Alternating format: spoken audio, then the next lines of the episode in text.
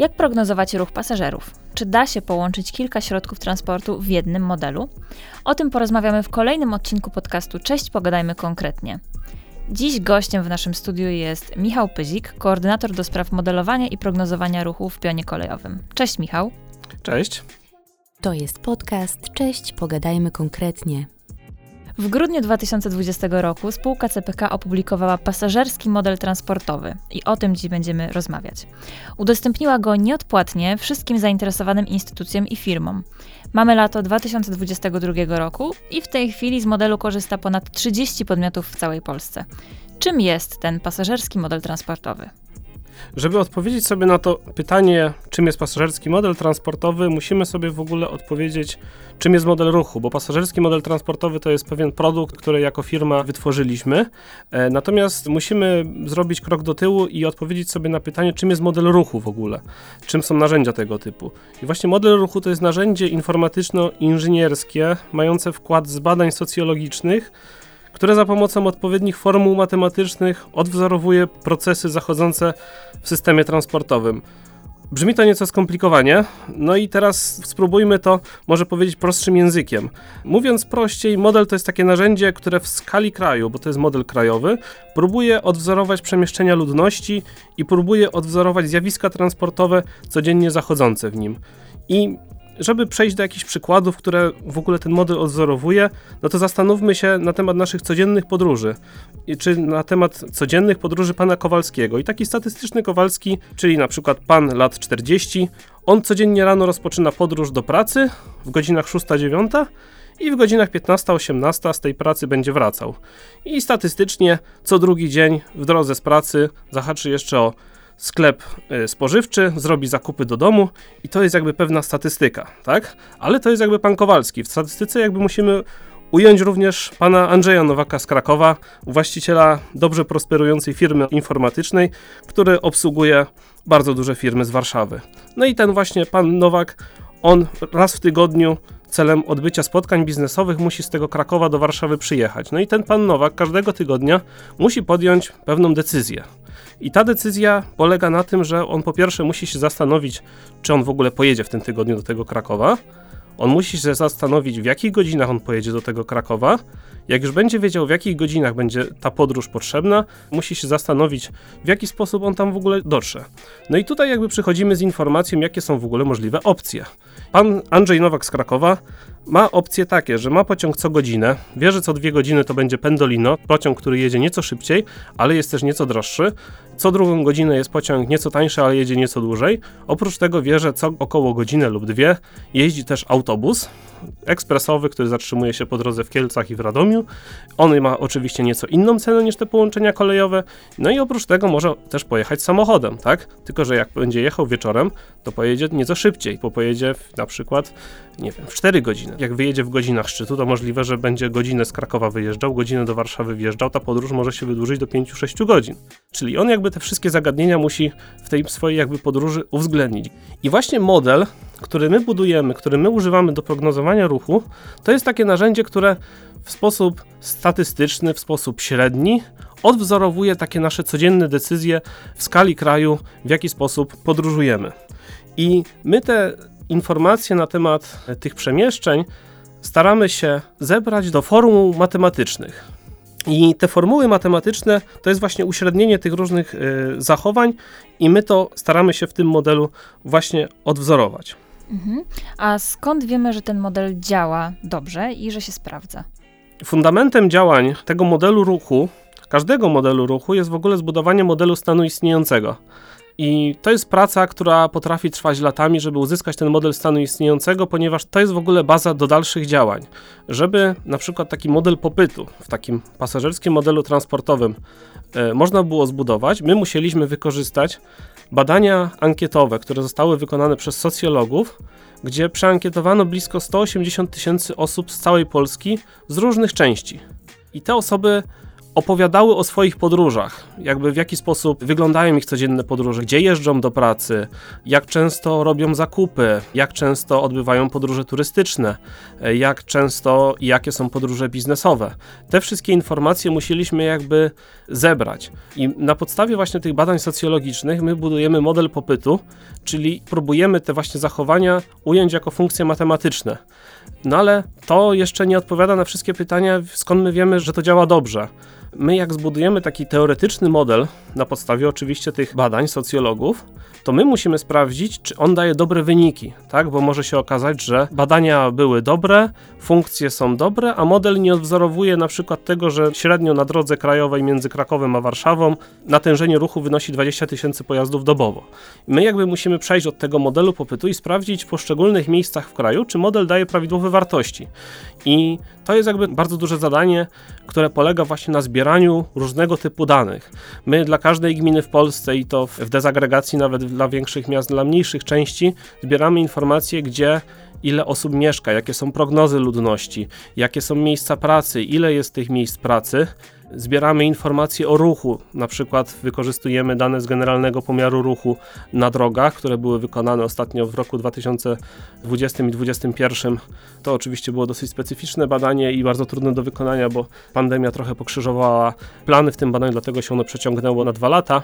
Takie badania są co 5 lat wykonywane.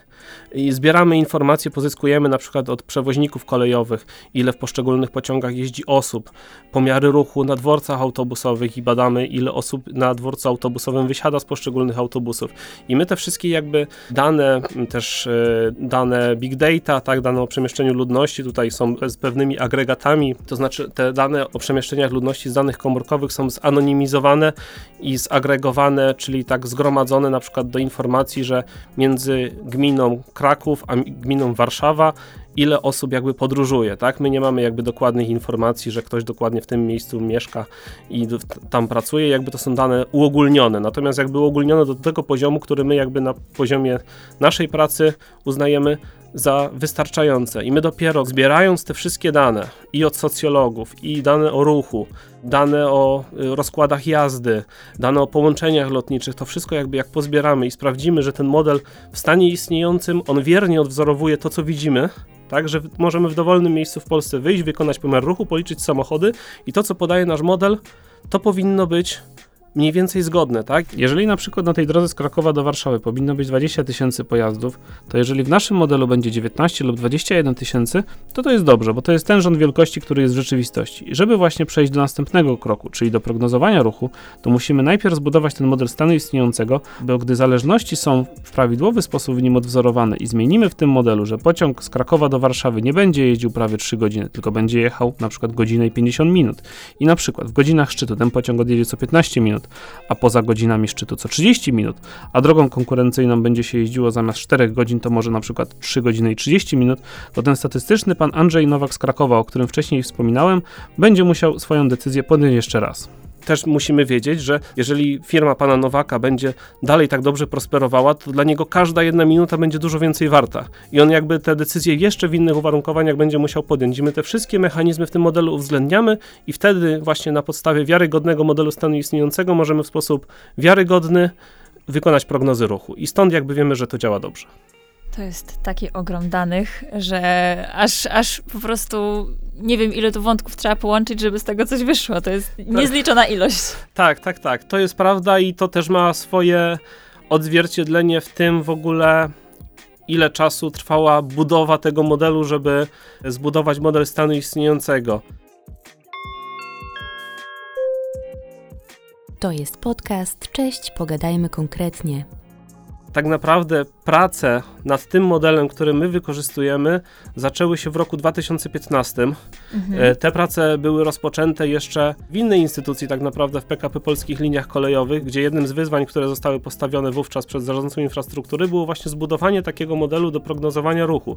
I te prace zaczęły się tak naprawdę wiele lat temu. I my jako CPK, gdy firma rozpoczęła swoją działalność na przełomie 2018 i 2019 roku, e, my tak naprawdę kontynuowaliśmy tą pracę i wrzuciliśmy drugi i trzeci bieg, żeby je przyspieszyć, zakończyć pracę nad modelem stanu istniejącego, uwzględnić również transport lotniczy, ponieważ to wcześniej nie miało być uwzględnione, ale z racji tego, jaką mamy tutaj inicjatywę inwestycyjną w Centralnym Porcie Komunikacyjnym, to ten transport lotniczy musieliśmy uwzględnić. Bardzo dużo jakby nowych informacji zostało zebranych od tego czasu.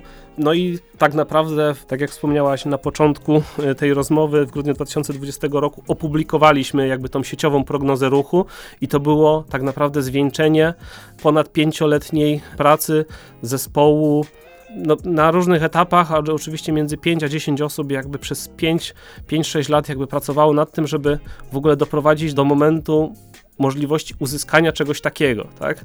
Mogłoby się wydawać, że czy 5 y, a 10 osób, 5-6 lat, czy to jest jakby dużo, czy nie. No, jako ciekawostkę mogę powiedzieć, że w trakcie prac nad modelem mieliśmy okazję y, odbyć y, takie wizyty studyjne między innymi w, w Deutsche Bahn.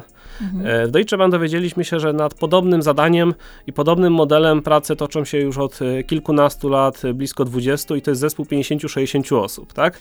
To pokazuje jakby skalę, jaką mamy, że nawet gdy my jakby robimy kilka lat w takim jakby zespole, to się okazuje, że na zachodzie jest to bardzo jakby praca doceniana, ona jest jakby zapoczątkowana wiele lat temu i niezbędna, mhm. tak? Jeżeli jakby chce się podejmować decyzje na temat infrastruktury, gdzie wartość tych jakby właśnie decyzji liczona jest albo w setkach milionów, albo w miliardach złotych, no to musimy mieć pewność, że ta każda złotówka będzie wydana dobrze, a tylko dzięki właśnie takiemu modelowi jesteśmy w stanie to w ogóle zrobić. Mhm.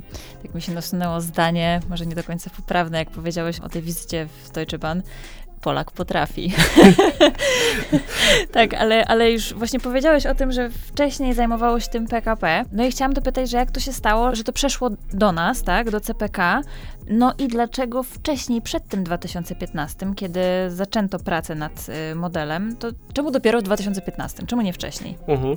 Świat nauki od zawsze wiedział, że żeby prognozować ruch na nowo budowanej infrastrukturze, nie sprawdzą się żadne metody wskaźnikowe, bo jak działają w ogóle takie uproszczone metody prognozowania ruchu, e, wskaźnikowe metody prognozowania ruchu, to one działają w taki sposób, że mamy na przykład ruch w stanie istniejącym na jakiejś linii kolejowej 5 albo 10 tysięcy osób i przykładamy do tego i na przykład wiemy, że wzrost PKB roczny wynosi, nie wiem, 5%, ale ruch kolejowy będzie rósł o połowę wolniej, czyli na przykład 2,5% rocznie, tak? To jest taki, taka uproszczona prognoza. No ale to, żeby w ogóle taką uproszczoną metodę prognozowania ruchu przyłożyć jakby do czegoś, to musimy mieć ruch w stanie istniejącym. W przypadku, gdy budujemy nową infrastrukturę, linia jeszcze kolejowa na przykład nie istnieje, to ruch w stanie istniejącym na tej linii wynosi 0. 0 pomnożone przez jakąkolwiek największą liczbę, w dalszym ciągu da 0. I nic jakby nie da się z tym zrobić. Żeby w ogóle wyjść jakby z tego problemu wykonania prognozy ruchu dla tej nowej infrastruktury, musimy mieć model. Model, który w ogóle wychodzi jakby z tej, ma możliwość wyjścia w ogóle z tej istniejącej infrastruktury, które, do którego możemy wprowadzić informację, że coś nowego tutaj powstanie, jakaś nowa możliwość. Tak? Mhm. Tak? I jakby takie metody właśnie w takim arkuszu kalkulacyjnym w Excelu, to jest jakby za dużo, dla takiego Excela i dla możliwości jakby takiego arkusza kalkulacyjnego, żeby uwzględnić to, że mamy, e, że tych gmin w Polsce mamy prawie 2500 i pomiędzy każdą z nich może odbywać się jakaś podróż i pomiędzy każdą z nich e, jest jakaś możliwość inna wykonania podróży. I jakby świat nauki wiedział od, od zawsze, że w takich przypadkach musimy wykorzystywać model ruchu. Gdy weszliśmy do Unii Europejskiej, to na początku mieliśmy taką taryfę ulgową w pierwszych latach, jeśli chodzi o podejście do przygotowania projektów inwestycyjnych, chociaż Generalna Dyrekcja Dróg Krajowych i Autostrad używała takiego modelu ruchu już od 2008 roku. Natomiast ruch drogowy jest nieco prostszy, jego wolumeny są jakby też wyższe, Możliwości też jest więcej, no bo droga jest jakby w każdej gminie, ona jest lepsza, ona jest gorsza, ale jest jakby w każdej gminie. My naszą sieć kolejową e, mamy dosyć specyficzną, ona ma pewne zaszłości historyczne, no i to nie jest takie łatwe, żeby, żeby w ogóle taką prognozę na kolei e, wykonać. No i w związku z tym, że ta poprzednia perspektywa unijna to była 2007-2013 i ona do 15 roku jakby realnie była rozliczana do końca 15 roku, no i było już założenie, że w następnej perspektywie unijnej trzeba będzie jakby przejść na to modelowanie ruchu i robić to tak, jak się powinno. I jakby to też było, między innymi była pewna jakby presja też z poziomu europejskiego, żeby te metody jakby były już adekwatne. No i mhm. zbudowanie jakby takiego narzędzia to nie jest właśnie, e, nie może się jakby zadziać z dnia na dzień, bo, bo potrzebne jest bardzo dużo informacji, bardzo dużo rzeczy jakby trzeba sprawdzić, e, no i ten model musi być właśnie zweryfikowany, żeby, żeby można było jakieś decyzje odpowiedzialnie e, podejmować. To jest podcast. Cześć, pogadajmy konkretnie ta praca jakby się wówczas zaczęła. No i udało się tak naprawdę w roku 19, od początku roku 2019, gdy rozpoczęliśmy tutaj pracę w Centralnym Porcie Komunikacyjnym i też zdecydowaliśmy się, no zostało w ogóle postawione wyzwanie, no że dobrze, mamy jakby koncepcję CPK, wiemy na czym ona ma polegać, ale trzeba do tego przyłożyć jakieś liczby, trzeba zbadać jakby efekty tej, tej inwestycji. No i zadanie, które jakby zostało postawione przed nami, no to musimy mieć sieciową prognozę ruchu. No i oczywiście tutaj jakby harmonogramy e, w naszym projekcie mamy dosyć ambitne, no i trzeba było wymyślić w taki sposób na wykonanie tej sieciowej prognozy ruchu, żeby te informacje mieć jak e, najszybciej.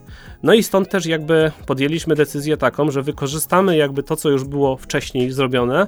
Tutaj w, wrzucimy drugi i trzeci bieg, zbudujemy jakby zespół. Stwierdziliśmy, że wbrew pozorom najszybciej wykonamy to wewnętrznie. Zbierzemy mhm. jakby kilku ekspertów, też ze wsparciem e, firmy doradczej, która powiedzmy też de facto też kolejnych kilku ekspertów jakby do, udostępniła jakby dla, e, dla potrzeb jakby przyspieszenia tych prac. E, no i udało się, udało się w dosyć szybkim czasie jakby przygotować ten model stanu istniejącego i wykonać jakby też tą prognozę ruchu. No i stąd też jakby właśnie ta publikacja w grudniu 2020 roku, gdzie tak naprawdę to, ta sieciowa prognoza ruchu, to też można powiedzieć jako ciekawostkę, my ją tak naprawdę mieliśmy no e, znacznie wcześniej już wewnętrznie. Natomiast wtedy był też taki niepewny czas, e, trwała pandemia, rok 2020. To było też bardzo duże wyzwanie w ogóle dla branży prognozowania ruchu jak ta pandemia zmieni te nasze zachowania komunikacyjne. E, można było zobaczyć, że w momencie, kiedy te obostrzenia jakby były nieco lżejsze, to my powoli, bo powoli, ale jednak wracaliśmy do tych pierwotnych zachowań, tak? To nie było jakby pewne, można było się spodziewać różnych efektów tej pandemii to, że na przykład będziemy dużo częściej pracować zdalnie. No widzimy, że te zmiany oczywiście jakieś są, ale nie są może tak fundamentalne, jak można było się pierwotnie tego spodziewać. Stąd też jakby dopiero publikacja jakby w grudniu 2020 y, roku. Mhm. No i właśnie, już o to troszeczkę zahaczyłeś. E, mianowicie my w Centralnym Porcie Komunikacyjnym planujemy budowę prawie 2000 km nowych linii kolejowych. I jak z wykorzystaniem PMT prognozować ruch na odcinkach, które jeszcze nie istnieją i jakie prognozy wynikają z tego modelu dla CPK? Jeżeli chodzi o prognozowanie ruchu na nowej linii kolejowej, która jeszcze nie istnieje, to ja już ten wątek wcześniej wstępnie zasygnalizowałem. I tak jak wspomniałem, metoda wskaźnikowa prognozowania ruchu tutaj się nie sprawdzi. Żeby taką prognozę wykonać, musimy mieć skalibrowany model ruchu stanu istniejącego, musimy być pewni, że model wiernie odwzorowuje rzeczywistość, która nas otacza i żeby może omówić całą metodykę w ogóle prognozowania ruchu, spróbujmy to omówić na przykładzie. I weźmy studium techniczno-ekonomiczno-środowiskowe dla odcinka Warszawa-Łódź, które e, w ostatnim czasie też jego efekty zaprezentowaliśmy, no i de facto już zasadnicze prace w ramach tego studium już zostały e, zakończone. I przechodząc do konkretów, jak taki proces prognozowania ruchu e, wyglądał, to musieliśmy wykonać w korytarzu tej linii kolejowej dedykowane pomiary ruchu. Weryfikowaliśmy ruch w korytarzu, wykonywaliśmy pomiary ruchu na przykład na autostradzie A2, weryfikowaliśmy ruch na stacjach kolejowych, na przystankach autobusowych. To wszystko, co model nam generuje dla stanu istniejącego, my musieliśmy zweryfikować, czy to jest prawda. I temu właśnie służyły dedykowane badania i pomiary ruchu. Wykonywane były również ankiety na stacjach, które również mówiły nam o motywacjach podróży i o pewnych jakby cechach tych podróży, które w tym właśnie obszarze oddziaływania występują. I to wszystko było wykonywane po to, żeby wykonać symulację nowej sytuacji ruchowej, która wystąpi. Ona wystąpi w momencie, kiedy my wybudujemy tą nową linię kolejową. Na tej nowej linii kolejowej, linii dużych prędkości, pojawią się nowe możliwości podróżowania. Dzisiaj mamy pociąg średnio co półtorej godziny jeżdżący około 1 godzinę i 20 minut. W przyszłości ten pociąg będzie jechał 45 minut tą linią dużych prędkości i on będzie odjeżdżał mm, na przykład co 15 czy co 30 minut. I ta zmiana, która się właśnie w tym systemie transportowym wydarzy, e, to my ją symulujemy. I tą zmianę ci nasi symulowani mieszkańcy tego obszaru odczuwają, oni ją widzą i oni mogą podjąć nowe decyzje w nowych uwarunkowaniach, które się dla nich zmieniły. I właśnie to, że to jest model ruchu, to są funkcje matematyczne, to są pewne zależności, które mogą się zmieniać w czasie, w różnych horyzontach czasowych, to właśnie w taki sposób dochodzimy do prognoz ruchu. Uzależniamy ten ruch od wielu zmiennych, na przykład od prognoz demograficznych, od prognoz produktu krajowego brutto, czyli PKB. Przechodząc do jakichś konkretów, mamy prognozy ruchu na przykład dla Łodzi, tak dzisiaj ona ma niecałe 700 tysięcy mieszkańców, w roku 50 to będzie niecałe 500 tysięcy mieszkańców mieszkańców, ale z kolei zmieni się też proporcja, jeśli chodzi o e, mieszkańców Łodzi i aglomeracji łódzkiej, tak? Jakby trochę więcej osób w porównaniu do dzisiaj względem Łodzi będzie mieszkało w tym obszarze aglomeracyjnym. I przez to, że to jest model i te wszystkie różne zmienne są uzależnione i one się zmieniają w czasie i to są funkcje matematyczne, to model ma szansę zareagować, zasymulować tą nową sytuację, którą my zakładamy właśnie w ramach naszych inwestycji. I ten nowy stan systemu transportowego, który e, w tych horyzontach prognostycznych ma szansę wystąpić, dzięki temu możemy zaprognozować. I to jest właśnie odpowiedź na pytanie, jak zaprognozować ruch na linii kolejowej, która nie istnieje. I powiem więcej, dokładnie w ten sam sposób zaprognozujemy ruch na drogach sąsiadujących z tą linią kolejową, jeżeli będziemy chcieli takie prognozy ruchu wykonać w ujęciu międzygałęziowym. To jest podcast. Cześć, pogadajmy konkretnie.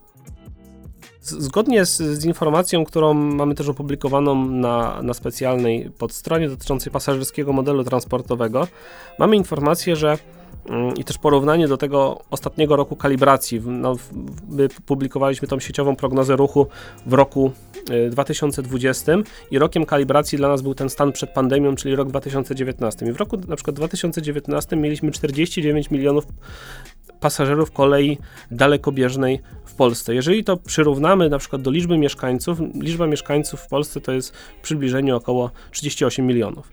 No to oznacza, że średnio statystyczny mieszkaniec Polski podróżuje nieco powyżej y, raz w roku pociągiem dalekobieżnym. Tak, to jest gdzieś tam w okolicach 1, 1, 1, 2.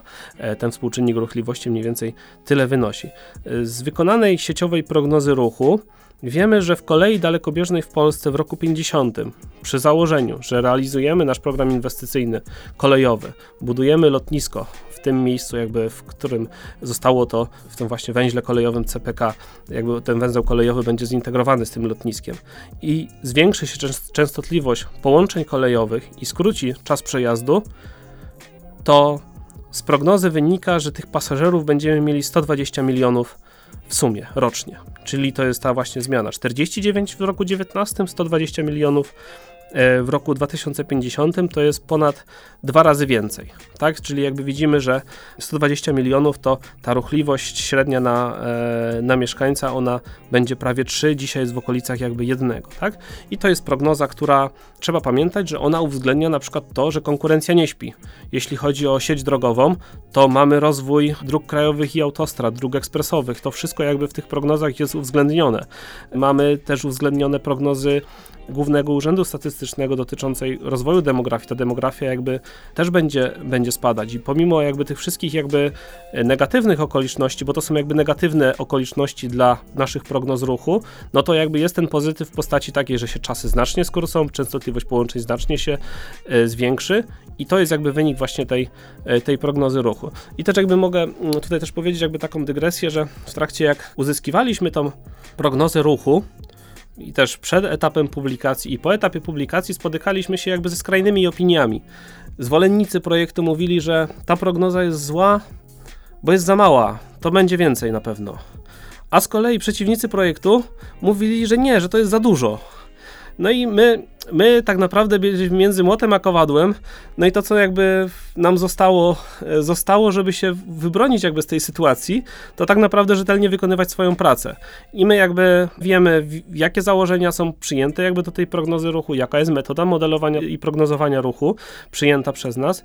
My jesteśmy transparentni, my udostępniamy model w taki sam sposób, jaki my go wykorzystujemy wewnętrznie. My go udostępniamy każdemu ekspertowi, każdej jednostce naukowej, każdej firmie, każdemu urzędowi w takiej samej formie, jakiej my go wykorzystujemy. I jakby robimy to e, no naprawdę od dłuższego czasu i działamy transparentnie i wiemy, jesteśmy pewni tego, co prezentujemy publicznie i z całą odpowiedzialnością możemy jakby powiedzieć, że ta prognoza jest po prostu realistyczna. Ona nie jest ani pesymistyczna, ani optymistyczna. Ona jest po prostu gdzieś pomiędzy tym. No i tak jak właśnie między różnymi ekspertami i zwolennikami i przeciwnikami my jakby jesteśmy, to, to wydaje się, że jest to, jest to tak w punkt. Mhm. E, no a tak pokrótce jeszcze, jakbyś mógł powiedzieć um, o tych innych instytucjach, no bo już wspomnieliśmy o tym, że też inne podmioty korzystają e, z tego naszego modelu. No to właśnie, kto z niego korzysta i po co? Mhm. Współpracujemy z wieloma podmiotami. Tych podmiotów, tak jak już wspomniałaś, jest, e, jest w tym momencie ponad 30, a tak naprawdę już zbliżamy się do 40. Jeśli chodzi o te, o te umowy licencyjne, na podstawie których udostępniamy ten nasz model. E, naszym bardzo dużym partnerem jest oczywiście PKP Polskie, są PKP Polskie Linie Kolejowe SA. Jakby komponent kolejowy CPK nie funkcjonuje w próżni. Pociąg jadący choćby z, z Rzeszowa do Warszawy, zgodnie z koncepcją CPK, on częściowo wykorzysta naszą nową linię kolejową, ale częściowo linię, która już istnieje, jest zarządzana przez PKP Polskie Linie Kolejowe SA. Ten model jest modelem krajowym i on odwzorowuje jakby wszystko, co w danym momencie jakby funkcjonuje w zakresie infrastruktury. I te prognozy nasze, żeby one były spójne, no to jedyna możliwość, żeby te prognozy były spójne i te informacje o ruchu były spójne, to jest korzystanie jakby z tego narzędzia. Stąd też jakby właśnie e, tutaj dla nas bardzo ważnym partnerem jest właśnie e, grupa PKP, i, no i która wykorzystuje jakby ten model. No mogę powiedzieć też jako ciekawostkę, że cały program Kolej Plus, który może w odróżnieniu od koncepcji CPK i programu kolejowego CPK skupiał się na liniach y, lokalnych i regionalnych. Ten program ten dotyczył właśnie budowy nowej infrastruktury, ale o znaczeniu lokalnym i regionalnym, aglomeracyjnym. Cały program y, wykonany został y, i prognozy ruchu, które przy tworzeniu tego programu zostały wykonane przy pomocy pasażerskiego modelu transportowego. Czyli tutaj już widzimy jakby pierwsze zastosowanie, że można wykorzystać go do czegoś podobnego, ale jednak innego, tylko tak naprawdę potrzeby nas ograniczają w tym, w jaki sposób ten model można wykorzystać. E, model jest udostępniony też Generalnej Dyrekcji Dróg Krajowych i Autostrad, jest udostępniony przewoźnikom kolejowym PKP Intercity, e, Łódzkiej Kolei Aglomeracyjnej, różnym instytucjom państwowym, na przykład Centrum Unijnych Projektów Transportowych, e, różnym instytucjom naukowym, na przykład Polska Akademia Nauk, Politechnika Poznańska, Instytut Kolejnictwa, ale też jednostki samorządu terytorialnego, na przykład Urząd Marszałkowski Marszałkowski Województwa Świętokrzyskiego. Tu dopiero wspomniałem o, o, podmiotach publicznych, ale oprócz tego naszymi interesariuszami są na przykład biura konsultingowo-projektowe, to są nasi wykonawcy, to są wykonawcy innych opracowań, na przykład drogowych, którzy stwierdzili, że oni mają inne potrzeby y, w innej części kraju do wykorzystania naszego modelu, ale zrobią to przy pomocy naszego modelu właśnie, bo on się, on do tego będzie przydatny, on się do tego po prostu nada. Na przykład producent oprogramowania, w którym my to tworzymy, bo y, ten nasz model można porównać do takiego bardzo rozbudowanego Excela, tak? Excel jest pewnym jakby środowiskiem, pewnym programem, w którym pewien programista, pewien analityk tworzy pewne algorytmy, schematy, formuły. I y, my też jakby mamy taki program, w którym to wszystko tworzymy i środowisko to jest jakby oprogramowanie y, PTV Visum, i my w tym oprogramowaniu jakby tworzymy, tworzymy właśnie ten nasz model. I na przykład producent oprogramowania też chce od nas pozyskać ten nasz model, bo on chce zobaczyć, w jaki sposób my wykorzystujemy ten model i ulepszyć swoje oprogramowanie, żeby było to jeszcze bardziej jakby adekwatne, żeby te możliwości, te różne funkcjonalności oprogramowania, żeby odpowiadały potrzebom, które mogą się użytkownikom po prostu przy wykonywaniu takich prognoz no, wydarzyć. Mhm, jeszcze trochę i ciężko będzie znaleźć podmiot, który nie korzysta z tego modelu. tak, jakby przyznam, przy, przyznam szczerze, że w ostatnim czasie bardzo dużo do nas e, spływa pozytywnych informacji od rynku i to mm, ja mam takie, takie przeświadczenie, że jeśli chodzi o w ogóle o promocję jakby tego naszego modelu, to staramy się bardziej promować poprzez ciężką pracę. Ciężką pracę jakby nad tym narzędziem i żeby rynek nas zweryfikował. E, no i to jest dosyć miłe, że mm, dostajemy informacje od y, profesjonalnych firm, że nasz model jest bardzo dobry, że on jest, że są pod wrażeniem w jaki sposób jest to jakby zrobione, w jaki sposób jest to intuicyjne, w jaki sposób jest to aktualizowane, rozwijane, bo, bo to też jest jakby dosyć ważna rzecz e, i nowa w Polsce, że modele w Polsce na przykład miejskie albo wojewódzkie już zdarzyło się, że, się, że zostały wykonane. Natomiast bardzo często żywot tych modeli jest dosyć krótki, bo model jest dobry, póki jest aktualny. Jeżeli model został wykonany w roku 2015, to on w roku 2020 już wymaga aktualizacji. Jeżeli my zrobiliśmy sieciową prognozę ruchu i kalibrację w roku 2019, to y, my teraz na przykład w tym roku aktualizowaliśmy już model, już w roku 2022 o wyniki GPR, które się w zeszłym roku mm. pojawiły. I jakby model tak naprawdę jest dobry, póki jest aktualny. Nasze zachowania komunikacyjne zmieniają się ciągle. Y, w ostatnich latach ta prędkość tych zmian jest niebywała, bo najpierw pandemia, która podważyła no, bardzo dużo w zachowaniach naszych transportowych, w naszych nawykach.